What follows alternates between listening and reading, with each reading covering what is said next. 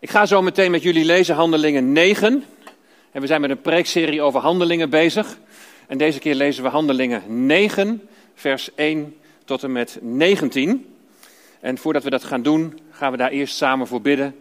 En uh, wil ik jullie daar graag in voorgaan. Vader in de hemel, we komen tot u om u te danken dat we uw woord hebben ontvangen. Heer, wat is het een voorrecht dat we in alle vrijheid dat woord mogen openen, met elkaar mogen lezen en mogen overdenken. Heer, wilt u tot uw doel komen? Wilt u tot onze harten spreken? Dat ook deze morgen, deze woordverkondiging mag, op, mag zijn tot opbouw van uw gemeente. En dat ons berichting mag geven ook in dit leven, nu, op dit moment. Dan bidden we uit genade in Jezus' naam. Ik ga met jullie lezen Handelingen 9 en dat gaat over de bekering dus van Saulus. Saulus nu, die tegen de discipelen van de Here nog steeds brieste van dreiging en moord, ging naar de hoge priester toe. En hij vroeg van hem brieven voor Damascus gericht aan de synagogen, opdat hij, opdat als hij er enigen zou vinden die van de weg waren, zowel mannen als vrouwen, hij die geboeid naar Jeruzalem zou brengen. En terwijl hij onderweg was, gebeurde het dat hij dicht bij Damascus kwam. En plotseling omscheen hem een licht vanuit de hemel. En toen hij op de grond gevallen was, hoorde hij een stem die tegen hem zei: Saul, Saul, waarom vervolgt u mij? En hij zei: Wie bent u, Heere? En de Heere zei: Ik ben Jezus die u vervolgt. Het is hard voor u met de hielen tegen de prikkels te slaan. En hij zei bevend en verbaasd: Heere, wat wilt u dat ik doen zal? En de Heere zei tegen hem: Sta op en ga de stad in, en daar zal u gezegd worden wat u moet doen. En de mannen die met hem meereisden stonden sprakeloos. Want ze hoorden wel de stem, maar zagen niemand. En Saulus stond op van de grond. En toen hij zijn ogen opendeed, zag hij niemand. En ze leidden hem bij de hand en brachten hem naar Damascus.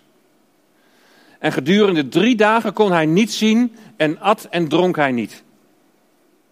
En er was een zekere discipel in Damascus van wie de naam Ananias was. En de Heer zei tegen hem in een visioen, Ananias. En hij zei, zie, hier ben ik, Heere. En de Heer zei tegen hem, sta op en ga naar de, rechter, naar de straat die de rechter genoemd wordt en vraag in het huis van Judas naar iemand van wie de naam Saulus is, uit Tarsus. Want zie, hij bidt. En hij heeft in een visioen gezien dat een man van wie de naam Ananias was, binnenkwam en hem de hand oplegde, opdat hij weer ziende zou worden. Ananias antwoordde echter, Heere, ik heb van velen over deze man gehoord, hoeveel kwaad hij uw heiligen in Jeruzalem gedaan heeft. En hij heeft hier volmacht van de overpriesters om allen gevangen te nemen die uw naam aanroepen. Maar de Heere zei tegen hem: Ga, want deze is voor mij een uitverkoren instrument om mijn naam te brengen naar de heidenen en de koningen en de Israëlieten. Want ik zal hem laten zien hoeveel hij moet lijden voor mijn naam. En Ananias ging heen en ging het huis binnen.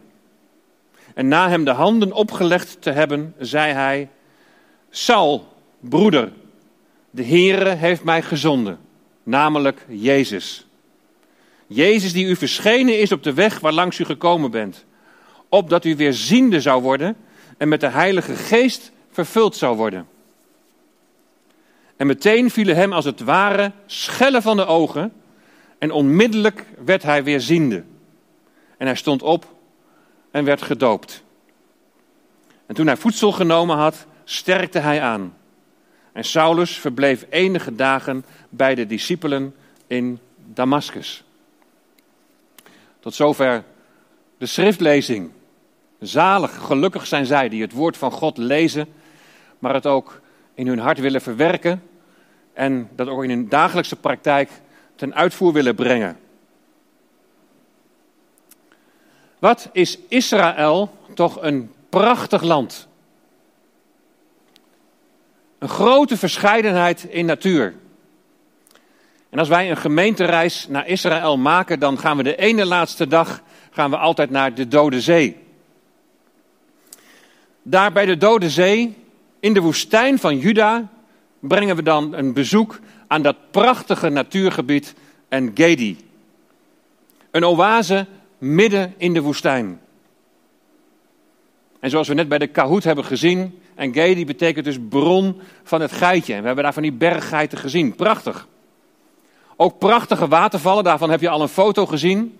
Heerlijk ter verkoeling, want het is daar meestal behoorlijk warm. En aan de soorten bomen die daar staan, daar, daar, kun je uit afleiden dat Hooglied daar hoogstwaarschijnlijk is, is geschreven. En, en, uh, en Gedi wordt in Hooglied dus ook genoemd. In Hooglied 1 vers 14. Maar waar ik naartoe wil, dat is ook in dit gebied is er vervolging geweest.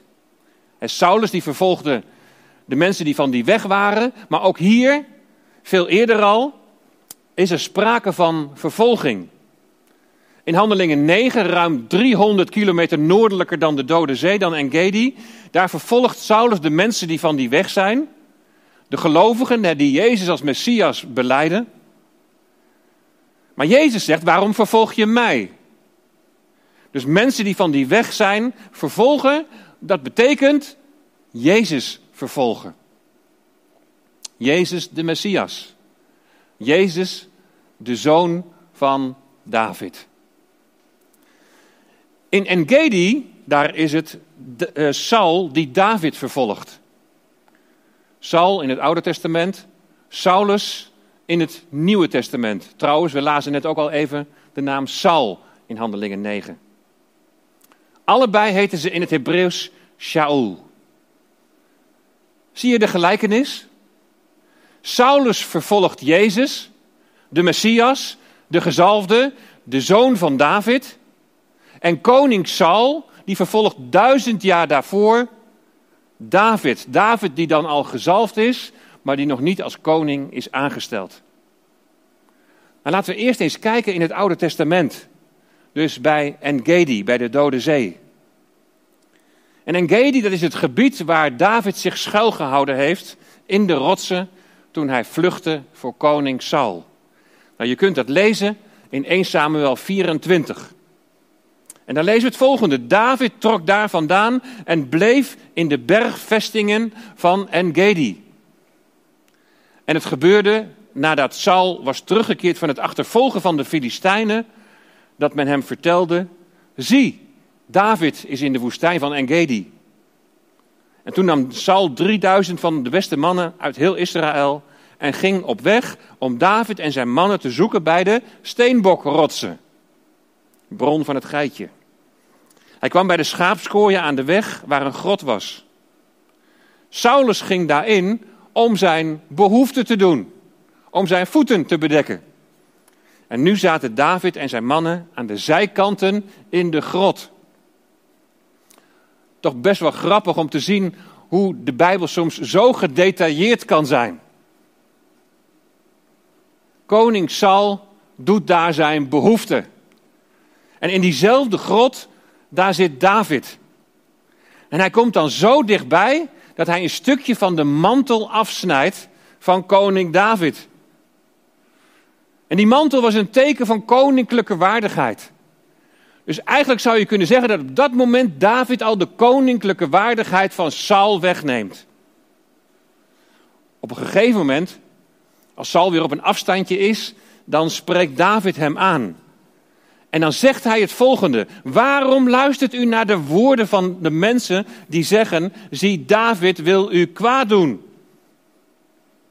Saul zet de mensen op tegen David. En als David dan is uitgesproken, dan zegt Saul het volgende. Is dit jouw stem, mijn zoon David? En Saul die begon luid te huilen. En dan erkent Saul dat zijn koninklijke waardigheid is afgenomen en dat David het koningschap toekomt. Lees maar mee in 1 Samuel 24, vers 21. En nu, zie, ik weet dat jij zeker koning zult worden, David, en dat het koninkrijk van Israël in jouw hand zal standhouden. En daarmee houdt de strijd van Saul tegen David niet op. Hij blijft hem achtervolgen. Je kunt twee hoofdstukken verder, kun je daar nog weer over lezen in 1 Samuel 26. Als koning, als koning Saul dan ligt te slapen in de legerplaats, dan komt uh, David dichterbij geslopen en dan weet hij zijn speer en zijn waterkruik te bemachtigen en die stiekem mee te nemen. En als David dan is weggelopen en hij staat op grote afstand, dan roept hij naar Saul die zich daar in de legerplaats bevindt. En dan lezen we in 1 Samuel 26, vers 17. Saul herkende de stem van David en zei: Is dit jouw stem, mijn zoon David? En David zei: Het is mijn stem, mijn heer, de koning. Hij zei verder: Waarom achtervolgt mijn heer zijn dienaar zo? Wat heb ik toch gedaan? Wat voor kwaad heb ik bedreven? En dan reageert Saul als volgt. Ik heb gezondigd. Keer terug, mijn zoon David, want ik zal je geen kwaad meer doen, omdat mijn leven deze dag kostbaar was in jouw ogen. Zie, ik heb dwaas gehandeld. Ik heb zeer ernstig gehandeld. In Handelingen 9, in het Nieuwe Testament, gaat het duizend jaar later weer over een Saul. Shaul, Saulus de Fariseer. Deze Saulus in Handelingen 9, die vervolgt niet David, maar hij vervolgt de zoon van David. Jezus, de Messias. Jezus is de nakomeling van David, die zit op de troon. Nu nog in heerlijkheid in de hemel, naast zijn vader, en straks in heerlijkheid op deze aarde. We zien scherpe overeenkomsten met zo'n duizend jaar geleden. Met zo'n duizend jaar daarvoor, toen, toen koning Saul David naar het leven stond. In Handelingen 9 vervolgt Saulus Jezus' volgelingen. Hij wil ze oppakken in Damascus en dan geboeid naar Jeruzalem brengen. Het was een ware klopjacht. Maar dan grijpt de Heer Jezus in. En terwijl hij, Saulus, dus onderweg was naar Damascus, gebeurde het dat hij dicht bij Damascus kwam en plotseling omscheen hem een licht vanuit de hemel. En toen hij op de grond gevallen was, hoorde hij een stem die tegen hem zei: Saul, Saul, waarom vervolgt u mij? Zie je de overeenkomst met 1 Samuel 26, vers 18? Waar David tegen Saul zegt: Waarom achtervolgt mijn Heer zijn dienaar zo? Wat heb ik toch gedaan? Wat voor kwaad heb ik bedreven? Die stem. Saul, Saul, waarom vervolg je mij? Wat moet dat indruk hebben gemaakt? Omgeven door een licht van, van hemelse heerlijkheid. Wat een indrukwekkend gebeuren hier op weg naar Damascus. Koning Saul had duizend jaar daarvoor al het vermoeden dat David tot hem sprak. Is dit jouw stem, mijn zoon David? Nou, ik denk dat Saulus duizend jaar later ook wel een vermoeden heeft wie tot hem spreekt. Want hij noemt hem Heer. Wie bent u, Heere? En doordat hij Heere zegt, daarmee geeft hij aan dat iemand tot hem spreekt die hoger staat dan hem. En dan komt die enorme confrontatie. Ik ben Jezus die u vervolgt. Ja, ik ben de zoon van David die jij vervolgt. Je dacht dat je zo goed bezig was. Aanhangers van de weg moesten mond worden gesnoerd. De gemeente, die gemeenschap van Jezus gelovigen, die moest worden vernietigd. Maar op het moment dat hij daar neerbuigt in het stof, wat moeten de mensen om hem heen hebben gedacht? Wat gebeurt er met Saulus? Saulus, die man met die geweldige verwachting. Hij zou het toch helemaal gaan maken. Een fariseer. Onderwijsgenoten van de grote Gamaliel. Maar zoals koning Saul zijn koninklijke waardigheid werd ontnomen, zo bleef er niets over van de waardigheid van Saul, van Saulus. Hij lag daar zo weerloos op de grond. Hij wilde de mond snoeren van mensen die van die weg waren, maar hij wordt hier zelf stopgezet. Hij ziet in dat hij dus niet in de eerste plaats deze mensen vervolgt, maar dat hij ten diepste Jezus, de Messias, vervolgt. Zo zijn er zoveel mensen vandaag de dag die denken dat christenen de mond gesnoerd moet worden, omdat ze zo onverdraagzaam zijn. Christenen hebben vaak zo'n uitgesproken mening over een heleboel zaken.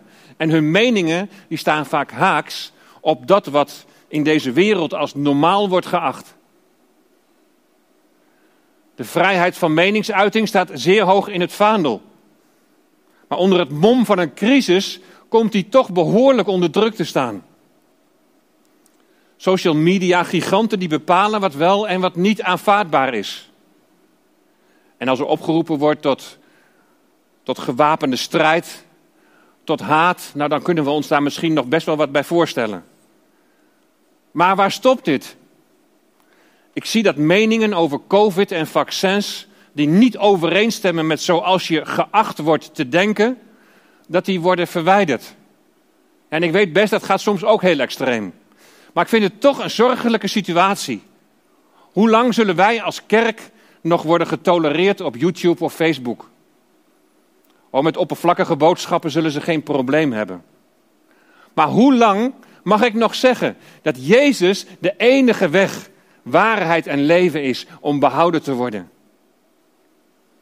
Ik weet niet of je het gebed van die Methodistendominee in het kapitool hebt meegekregen. Ja, op de dag dat het kapitool werd bestormd. Tijdens die vergadering van het Amerikaanse parlement die daar plaatsvond, bad deze dominee. En aan het eind zei hij: Dit bidden we in de naam van de monotheïstische God Brahma. Nou, het slaat helemaal nergens op deze vermenging. Want eh, in het Hindoeïsme is helemaal geen één God, daar is een meergodendom. Maar je ziet hier dus een vermenging van christendom en Hindoeïsme, pure New Age. Dat doordringt in de kerk in Amerika en ook bij de volksvertegenwoordigers. Hoe lang zal het nog duren dat ik mijn afschuw hierover mag uitspreken? En aan het eind van zijn gebed zei hij niet alleen amen, maar hij zei amen and a woman. Nou, ook die woordspeling die slaat kant nog wel. Hij bad dus aan het eind een man en een vrouw. Allemaal in het kader van de genderideologie. Het Amerikaanse Huis van Afgevaardigden heeft nieuwe huisregels vastgelegd. Die bepalen dat er niet meer mag worden gesproken in termen als man of vrouw. Op welke manier dan ook. Ook hier spreek ik mijn afkeer over uit. En mijn afkeer heeft daarmee te maken dat het als ideologie wordt verheven. Er komt een tijd dat we niet meer mogen verkondigen dat God de Vader, dat Hij ons geschapen heeft als man en vrouw. Degenen die ons de mond willen snoeren, denken zo goed bezig te zijn. Omdat ze de overtuiging hebben dat ze daarmee anderen beschermen die door de confrontatie met Gods woord worden gekwetst. Maar dan zegt de Heer Jezus, net als tegen Saulus, zegt hij tegen deze mensen: Je strijdt niet in de eerste plaats tegen mensen die van de weg zijn, die de Heer Jezus willen navolgen, maar je strijdt tegen mij. Jezus gebruikte een wat vreemde uitdrukking om Saulus duidelijk te maken waar hij in zijn strijd mee bezig is en wat de gevolgen zijn. Het is hard voor u met de hielen tegen de prikkels te slaan. Jezus gebruikte hier het beeld van een, een prikkel, een stok met een scherpe punt, die toen in de landbouw werd gebruikt. Het kwam namelijk wel eens voor dat een os niet verder wilde lopen bij het ploegen, misschien een beetje lui geworden, en de boer die kon hem dan een prikje geven, zodat hij weer verder zou gaan. Maar als de os echt niet verder wilde, die echt weer spannig en onwillig was, ja, dan ging, dan ging dat beest ging achteruit trappen. En dat is het beeld wat de Heer Jezus hier gebruikt. En je begrijpt dat de os door het achteruit trappen, dat hij zichzelf bezeert. En, en zo zegt Saulus dus, zegt de Heer Jezus tegen Saulus, jouw hele missie van christenvervolging is eigenlijk een groot verzet tegen God en ook tegen mij. En door je zo schoppend te verzetten, breng je jezelf schade toe. En dat is ook de boodschap naar deze wereld die tegen ons aanschopt. Je verzet je tegen God. Je verzet je tegen de Heer Jezus. En je bezeert uiteindelijk jezelf. Als jij Jezus blijft afwijzen, dan leidt dat uiteindelijk tot je eigen ondergang. Als je Gods wil onverschillig naast je neerlegt, dan moet je daar zelf de gevolgen van dragen. Het is heel confronterend, zoals de Heer Jezus heel confronterend is naar Saulus. Het is een confrontatie met de waarheid.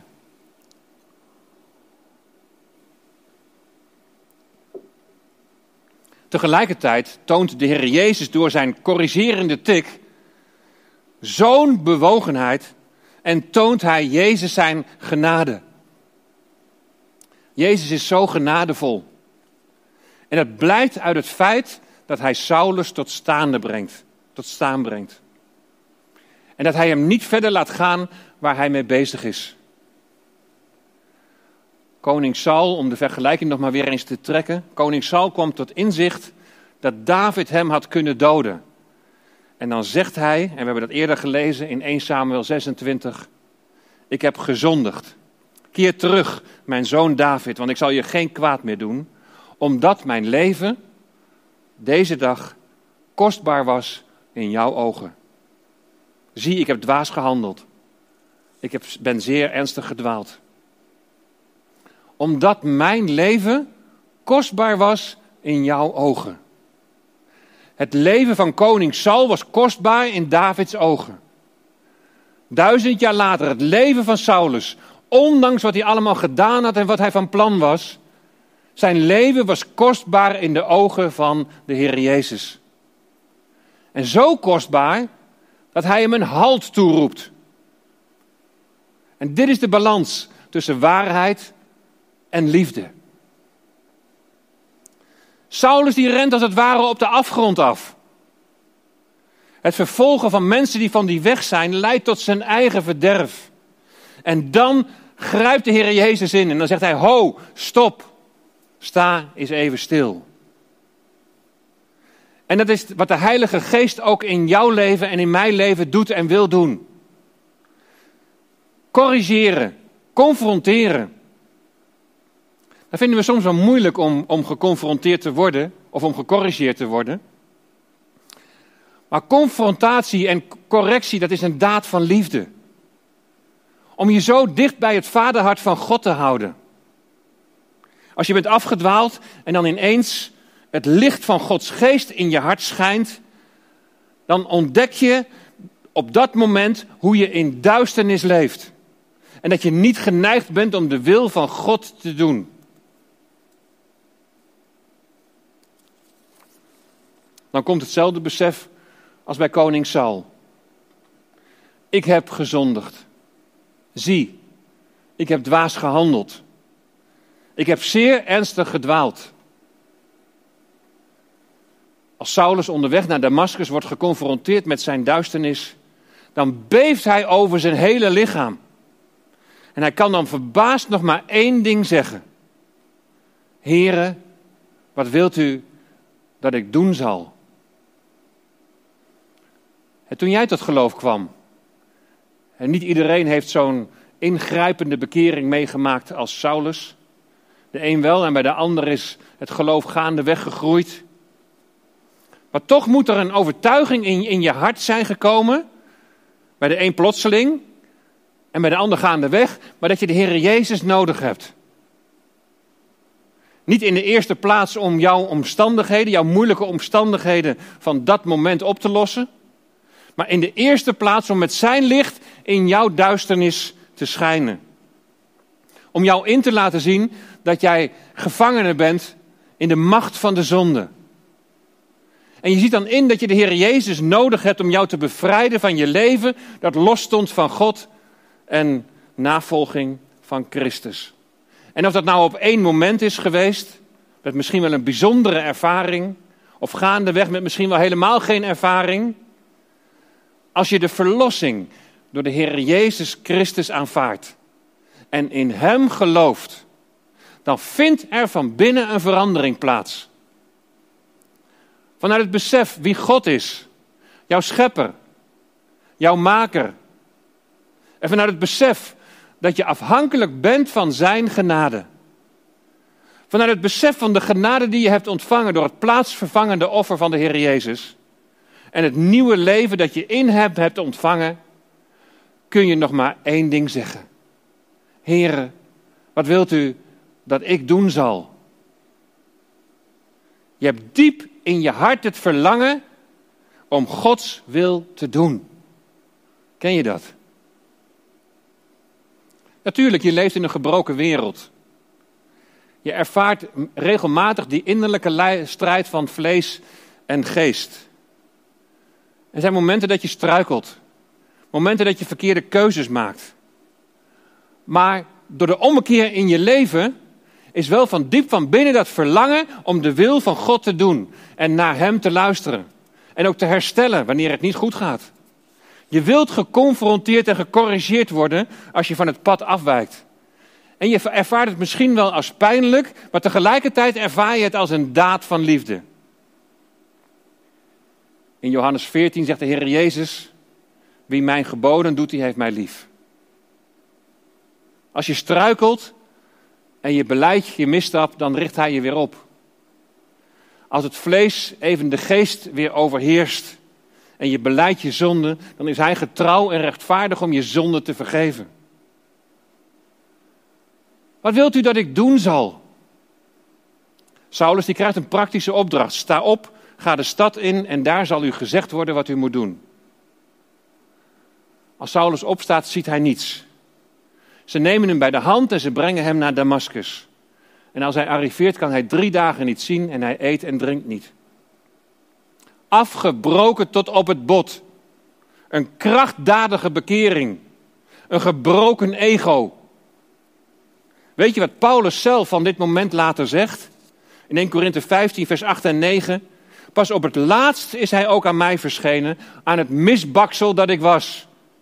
Want ik ben de minste van de apostelen. Ik ben, ik ben de naam apostel niet waard, omdat ik Gods gemeente heb vervolgd. Hij beschouwde zichzelf als een misbaksel. En dat was hij ook. Maar met dit misbaksel is de hemelse pottenbakker aan de gang gegaan. Hij is niet de bestaande kruik een beetje gaan oppoetsen. Hij heeft het oude weggedaan en hij heeft iets heel nieuws gemaakt. En dat is wat de Heere God ook met jou en met mij heeft gedaan toen wij tot geloof kwamen. Saulus, die liet zich direct dopen.